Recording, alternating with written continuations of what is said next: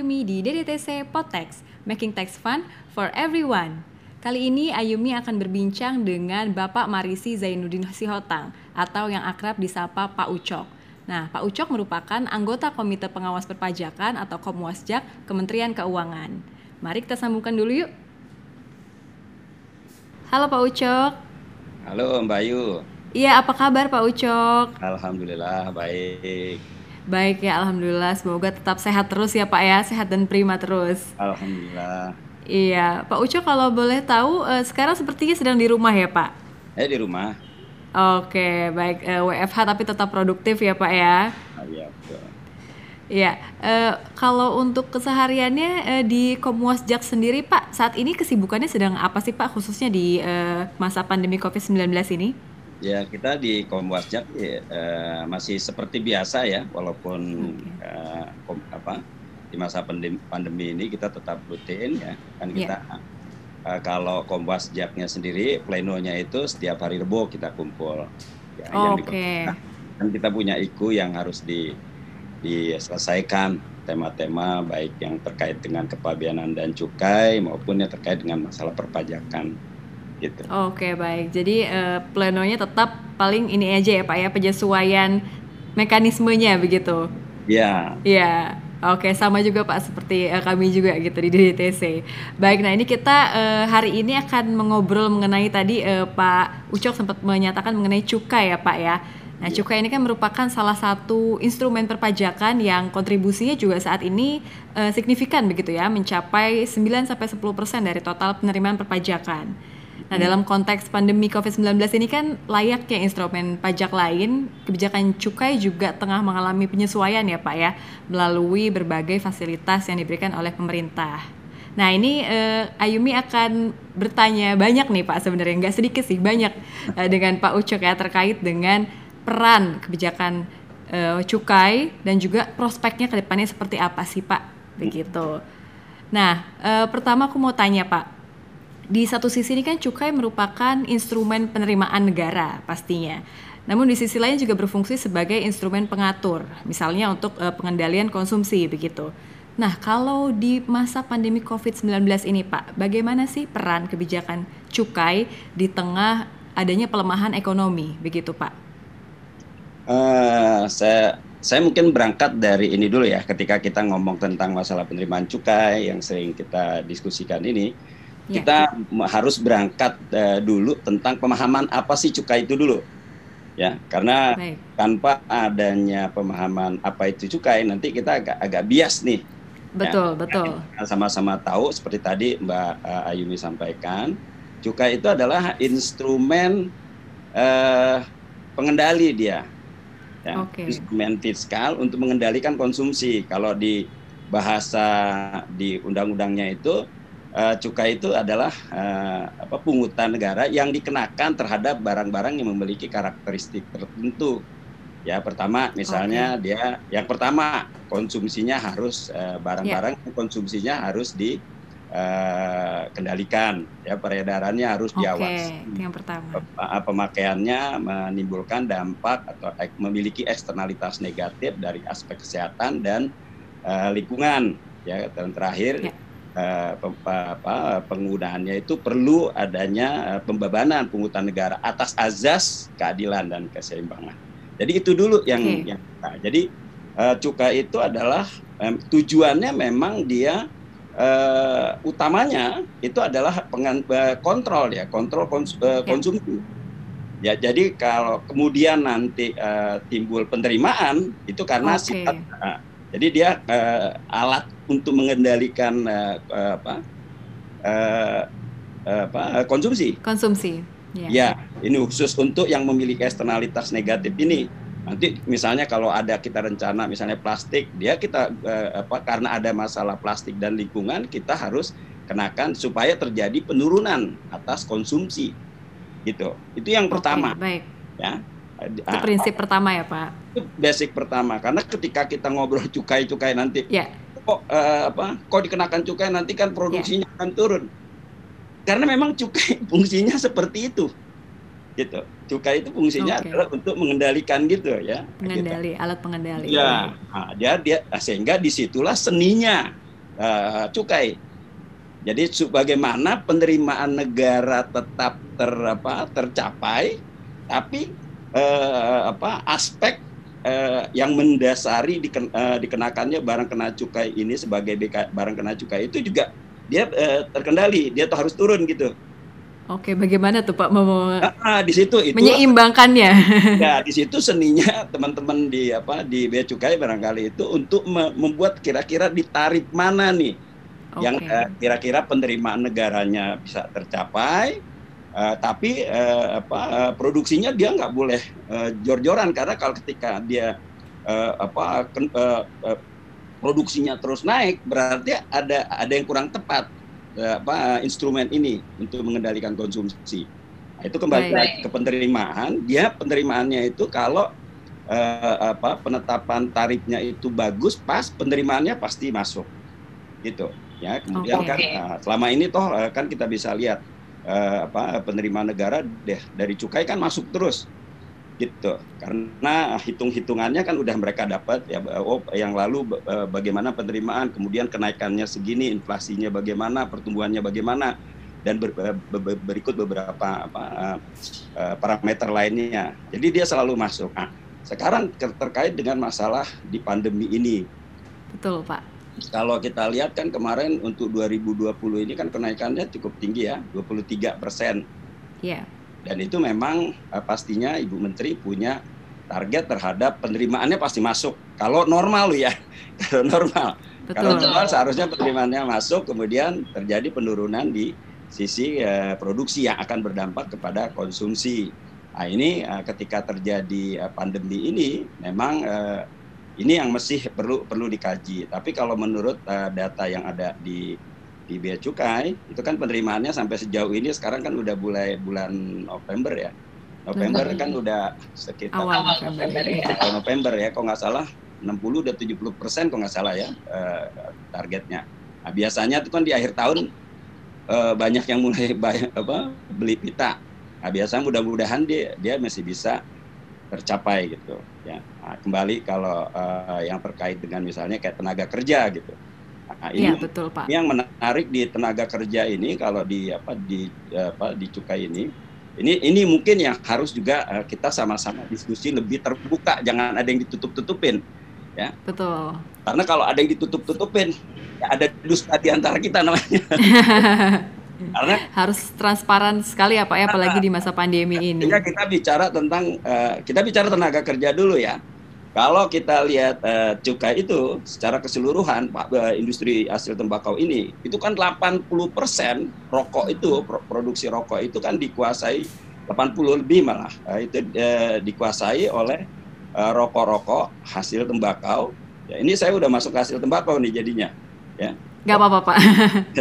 uh, Lanjut saja. Uh, jadi dia uh, itu adalah uh, padat modal ya yang tenaga kerjanya itu ada di SKT SKT itu yang yang betul-betul uh, padat karyanya itu ada di uh, di apa rokok yang uh, kretek tangan. Kretek betul. Nah, itu kalau nggak salah uh, share-nya kan tinggal sekitar uh, di bawah 20 persen kan. Dan terus dia okay. dari tahun ke tahun dia uh, mengecil bukan karena tarif loh. Kalau mungkin kalau Mbak lihat uh, beberapa apa tarif-tarif yang lalu-lalu dari tahun ke tahun itu kan SKT dapat uh, tarif yang paling paling rendah. Artinya apa? Kalau di, dikenakan cukai apa kenaikan cukai berapapun sebenarnya itu masih uh, yang untuk yang tenaga kerja itu itu pasti uh, apa, masih bisa diamankan lah ya. Saya rasa teman-teman di uh, apa di Direktorat Jenderal Bea Cukai sangat menghitung. Okay, baik. Kalau untuk uh, ini Pak tujuannya untuk mendorong iklim usaha Pak. Tadi kan kalau misalnya di kondisi normal kan memang untuk pengendalian supaya produktivitasnya itu ada seimbang gitu ya. Tapi kalau sekarang kan produktivitas menurun begitu. Bagaimana Pak uh, fasilitas cukai gitu bisa membantu uh, iklim usaha? Uh, ini ini kadang-kadang ini pertanyaan berat nih.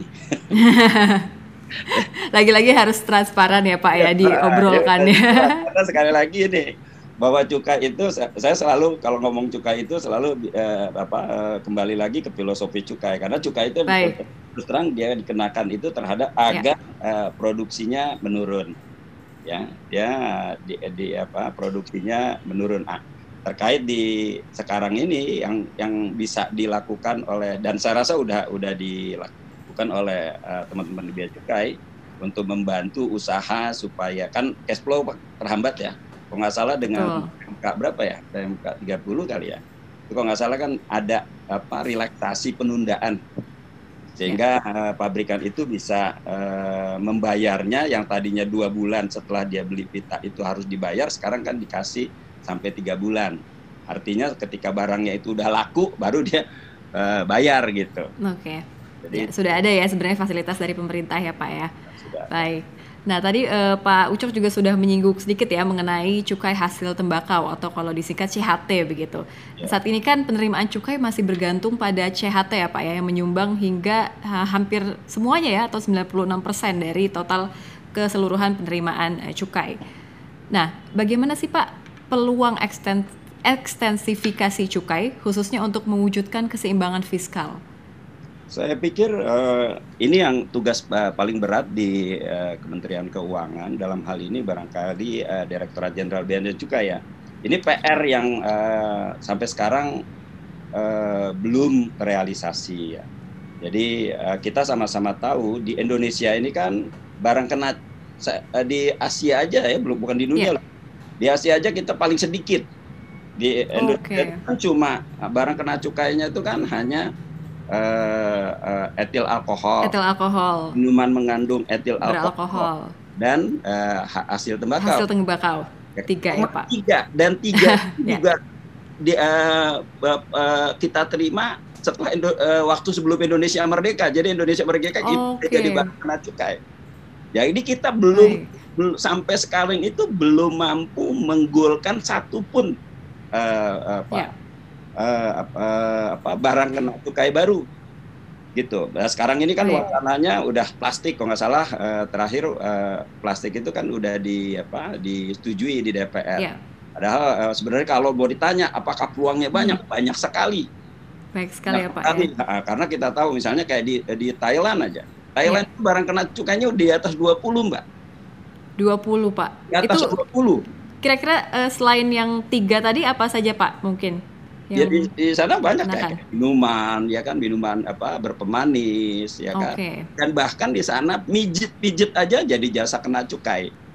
Oh jadi ada jasa kena cukai juga ya? ya? Kan cukai itu seperti yang kita tadi bilang bahwa untuk azas ke apa untuk azas uh, apa keadilan penggunaannya uh, uh, perlu dibebankan uh, di, apa di, uh, di, diberikan pungutan atas dasar azas keadilan. Saya uh, mengajak Mbak Yumi sekarang di negara Indonesia uh, yang berkeadilan sosial ini.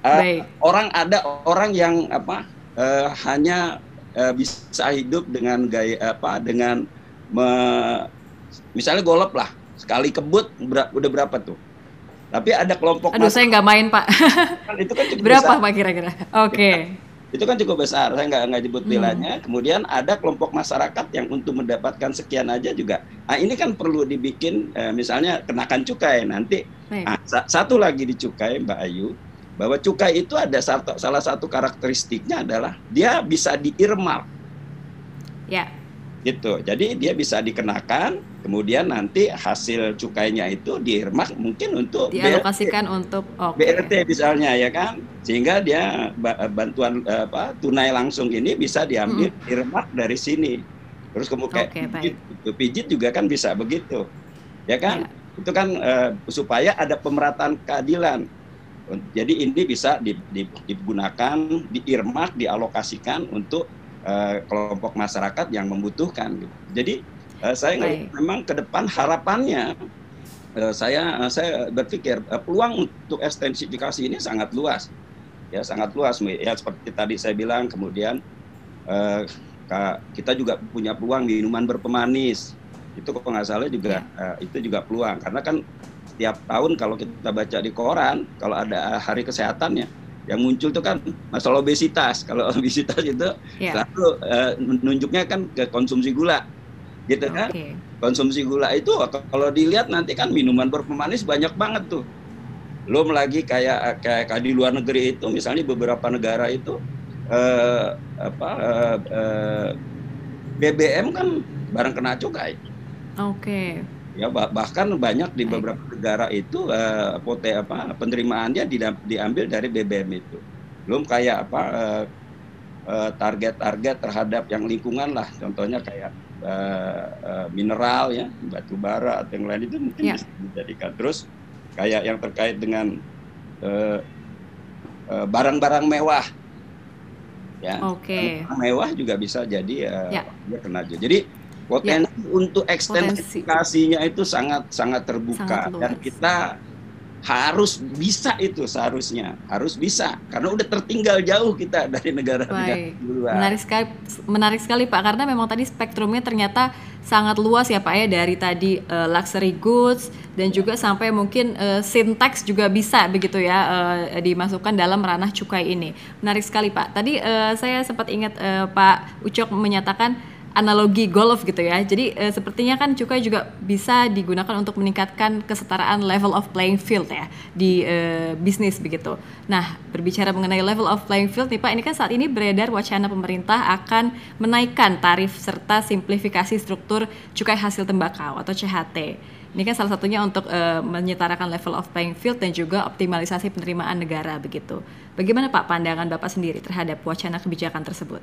Nah, kalau kalau apa masalah uh, kenaikan tarif, saya mungkin belum belum bisa bicara ya, karena ini kan sedang hmm. di apa digodok. Uh, digodok, oke. Okay. Jadi uh, rasanya saya. Gak bisa cuplikannya sedikit pak. gak, gak, kurang etis lah ya, itu kan. Uh, siap siap. Masalah tarif Baik. kan sepenuhnya sebenarnya uh, apa uh, otoritas Menteri Keuangan biarlah uh, Menteri yang apa menetapkannya. Terkait dengan masalah simplifikasi ya Nah, simplifikasi ini memang kelihatannya kalau menurut hemat saya uh, itu sangat dibutuhkan. Ya. Kan sekarang itu kan layer uh, rokok ya rokok yang yeah. ketika kita bicara hasil tembakau ini uh, yang pak yang bicara tentang layernya itu kita selalu bicara tentang tiga tiga kelompok rokok sigaret yeah. ya yaitu uh, sigaret uh, apa sigaret kretek mesin sigaret mesin. kretek putih ya sigaret putih ya sigaret putih mesin kemudian sigaret kretek eh, tangan. Tangan. SKT. Ya. Nah, ini kan sekarang ada 10 layer.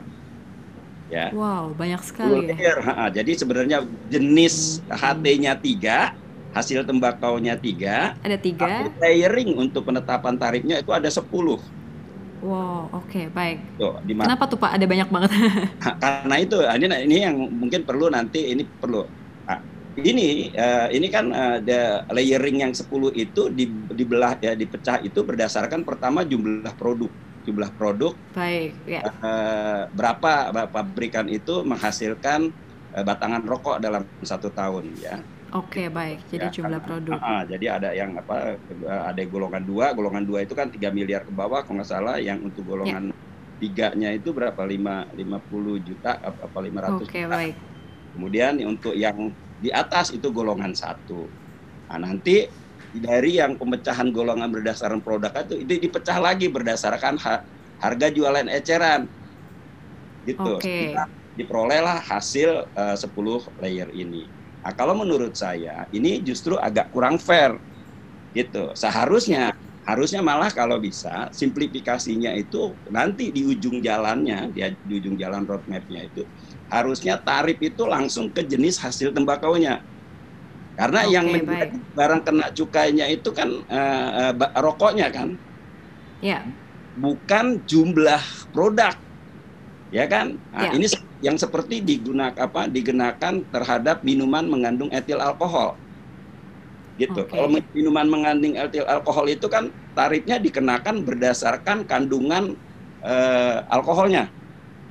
Betul. Ya kan? lima persen ke bawah, kemudian yeah. uh, dua apa di atas lima persen sampai 20, 20 ke atas MMI. Okay, Jadi dikenakan terhadap efek eksternalitas negatifnya. Oke, okay, nah, baik. Jadi idealnya begitu juga ya Pak ya? Harusnya rokok juga gitu. Yang di, dilihat seharusnya dia dengan jenisnya ini uh, mesin, ya kan? Mesin apa kretek, kretek kemudian uh, putih dengan putih. kretek tangan. Oke. Okay. Gitu. Langsung aja dikenakannya terhadap di situ nggak perlu dibagi-bagi lagi. Jadi tarif langsung dikenakan terhadap barang kena cukainya itu sendiri. Ya. Gitu. Nah, nanti uh, siapa yang akan memproduksi lebih banyak ya dia akan membayar lebih banyak gitu.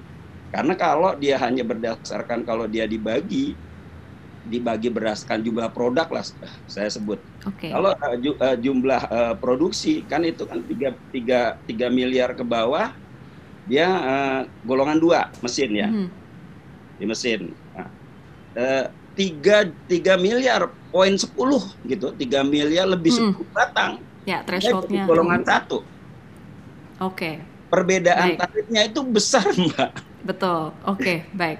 Jadi yang itu yang membuat kurang adil begitu ya, Pak? Kurang adil gitu. Mendingan langsung dikenakan terhadap kan tarif itu dikenakan terhadap batang rokok kan. Betul. Terhadap batang rokok. Jadi tarif dikenakan terhadap batang rokok saja. Gitu. Jadi siapa ya. yang memproduksinya banyak, dia akan membayar banyak. Siapa yang memproduksi kecil, dia akan bayar kecil dan ini kan akhirnya jadi akan timbulnya pakai cheatingnya nah, sehingga kalau mau apa mau menyentuh 3 miliar ke atas gua rem aja gitu Baik, ya. gua dapat dapat tarif yang sangat tinggi gitu nah, itu mungkin uh, kalau menurut saya itu pertama itu yang harus di, disederhanakan sehingga okay. nanti nanti mak, mak, makin lama dia hanya tinggal ya tinggal kita ya yang kita pertimbangkan itu adalah mesin ya. sama uh, tangannya okay. gitu kalau mesin saya rasa udah saatnya harus di di apa di merge karena di situ hmm, uh, yang basis mesin itu kan enggak isu tenaga kerja sebenarnya kan enggak enggak apa enggak enggak enggak enggak relevan ya. Ini kalau menurut okay. saya ya kan. Nah, eh, terakhir Pak, mungkin ini bagaimana bag, eh, untuk Pak Ucok sendiri harapan untuk kebijakan cukai Indonesia ke depan? Apa saja sih Pak harapannya? Harapan saya ya pertama eh, agar cukai itu dikembalikanlah ke marwahnya ya. Jadi marwahnya itu eh, dia betul-betul sebagai eh, instrumen memang instrumen fiskal untuk pengendalian. Gitu itu. Jadi jangan selalu ketika kita ngomong wah ini penerimaan penerimaan gitu. Baik. Memang betul saya setuju sekali itu penerimaan. Tapi marwahnya cukai itu adalah instrumen pengendalian pengendalian ya. Uh, uh, jadi dan uh, harapannya berikutnya ya instrumen cukai itu kayak bisa on off seharusnya gitu. Jadi ketika uh, tujuan dari oh sudah bagus nih, uh, hmm. misalnya kayak lingkungan udah mulai bagus, ya itu bisa di off gitu. Gitu. Ya. Jadi ke depan pertama itu marwahnya. Kedua ya harus makin uh, makin gencar untuk uh, apa ekstensifikasi Okay. Gitu. Sehingga kalau diekstensifikasinya makin banyak uh, barang kena cukai yang diperoleh kan itu akan meningkatkan rasio uh, rasio pajak juga kan. Rasio pajak betul. Karena kalau nggak salah di Indonesia itu tadi Mbak Mbak Ayu udah sampaikan kita hmm. kontribusinya kan coba 10 uh, 10 12 ya. Iya. Di negara-negara lain itu bahkan kayak di Bolivia ya itu kalau nggak salah hmm. 70-an Mbak dari cukai wah kan ya jadi ya. barang kena cukai itu bisa. Cuma masyarakat memang perlu di, dikasih bukti. Okay, betul nggak cukai ini mampu eh, apa be, menjadi uh, instrumen yang efektif seperti yang Betul. disebut itu. Misalnya kalau untuk kesehatan bener nggak? Ya. Ya kan? Jadi jangan sampai nanti ketika oh ini uh, cukai adalah instrumen pengendalian konsumsi. Tapi Baik. faktanya ketika udah dikenal faktanya produksinya naik terus. Kan orang bertanya-tanya tuh cukai tujuannya apa sih? Ya, kan gitu. setuju pak. Harus setuju gitu. setuju. Nah, nanti juga misalnya kayak plastik insya Allah uh, bisa dieksekusi gitu. Harus harus bisa dilihat oleh masyarakat okay. pencinta lingkungan misalnya. Betul nggak ketika udah dikenakan sebagai dia jadi, jadi barang kena cukai? Bisa nggak betul di, mampu menekan penggunaan uh, apa uh, uh, uh, apa plastik kantong plastik itu. Kalau enggak itu tantangan bea cukai. Itu ya harapan okay, saya uh, bea yeah. cukai itu harus mampu membuktikan itu ke masyarakat. Sehingga okay, kalau dia baik. mampu, saya rasa ketika ada keinginan uh, apa keinginan untuk ekstensifikasi pasti akan banyak yang mendukung gitu loh. Kalau yeah. misalnya nggak ada buktinya, ya nanti oh, halo omong doang omdo aja lo gitu. Oke. Okay. Gitu. Iya, siap Pak. Ya baik. Pak uh, Ucok terima kasih banyak atas waktunya. Pak ini kita sudah ngobrol lebih dari 20 menit Pak. Menarik sekali ya Pak memang ya isu cukai ini. Ya uh, semoga Bapak sehat selalu dan juga selamat beraktivitas kembali ya Pak Ucok. Terima kasih banyak telah mampir ke DDTC Potex. Ya, Mbak Ayu. Ya ya, ya Bapak. Terima kasih, kasih ya. Nah, gimana nih teman-teman? Sangat seru dan juga banyak insight yang didapatkan ya terkait dengan isu-isu cukai. Nah, jangan lupa juga nih bagi teman-teman yang ingin mengetahui isu ter eh, terkait dengan perpajakan untuk terus pantau DDTC News dan sosial media DDTC. Jangan lupa juga untuk terus patuhi protokol kesehatan seperti halnya rajin cuci tangan, jaga jarak, dan juga gunakan masker. Ayumi pamit. Ciao.